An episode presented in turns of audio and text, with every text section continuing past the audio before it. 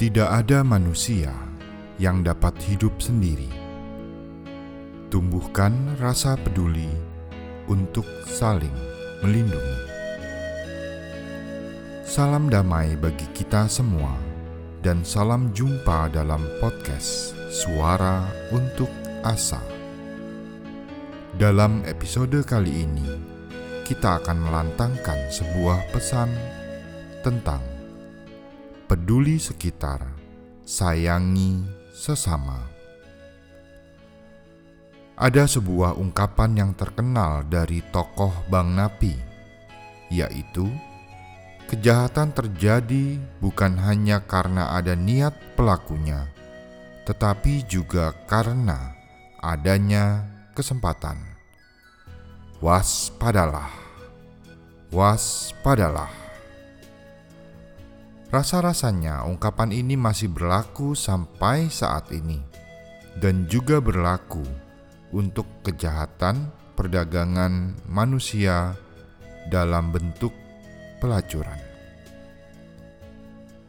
Berawal dari perjumpaan di sebuah kedai kopi, Isobel berkenalan dengan seorang pria yang terlihat santun dan cukup perhatian dengan menegur pengemis yang mengganggunya. Dengan gestur yang cukup canggung, si pria tersebut memulai pembicaraan sampai akhirnya menawarkan sebuah pekerjaan.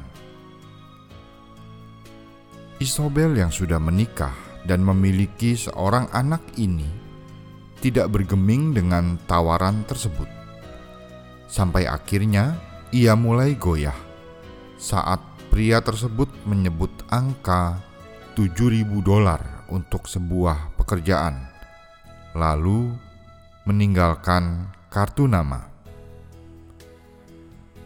Setelah berdiskusi dengan suaminya, akhirnya Isobel menanggapi tawaran pekerjaan model yang dijanjikan pria tersebut. Perjumpaan pertama di studio berjalan baik dan menyenangkan. Isobel melakukan sesi pemotretan, dan setelah itu Isobel datang kembali untuk kedua kalinya dan tidak pulang ke rumah selama beberapa saat. Ia diperdaya dengan obat bius, lalu difoto menggunakan baju mini, dan terjebak sebagai budak pelacuran. Pengemis yang mengganggu di kedai kopi ternyata komplotan si pria. Setelah disekap selama tiga hari dua malam dan melayani beberapa pria, Isobel akhirnya berhasil membebaskan diri. Namun si pria yang bernama Peter ini tidak berhasil ditangkap. Kisah di atas merupakan film thriller yang berjudul Apartemen 407 yang diangkat dari kisah nyata tentang perdagangan manusia.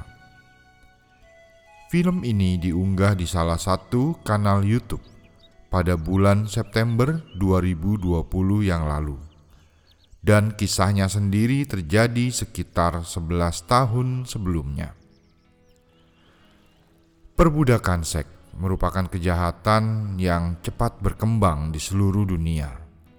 Setiap tahun, setidaknya 20,6 juta perempuan dewasa dan anak-anak diculik untuk dibeli dan dijual ke industri perdagangan seks ilegal seluruh dunia.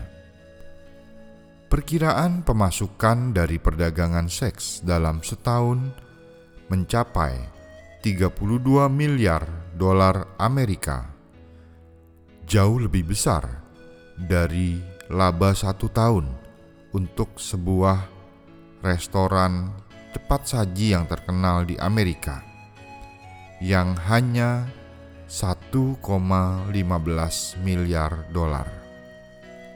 Fakta lain yang cukup mengenaskan adalah jumlah korban yang berhasil membebaskan diri tidak kurang dari 2%. melawan kejahatan perdagangan manusia dalam bentuk apa pun dan menjerat pelakunya memang bukan hal mudah. Yang paling mungkin dapat kita lakukan adalah mencegah hal itu terjadi di lingkungan sekitar kita. Kita dapat memulainya dengan peduli terhadap lingkungan dan orang-orang di sekitar kita. Kita juga perlu waspada terhadap berkembangnya modus-modus kejahatan perdagangan manusia. Hal lain yang dapat kita lakukan adalah menjadi sahabat bagi para korban. Mari kita peduli dan saling melindungi. Waspadalah.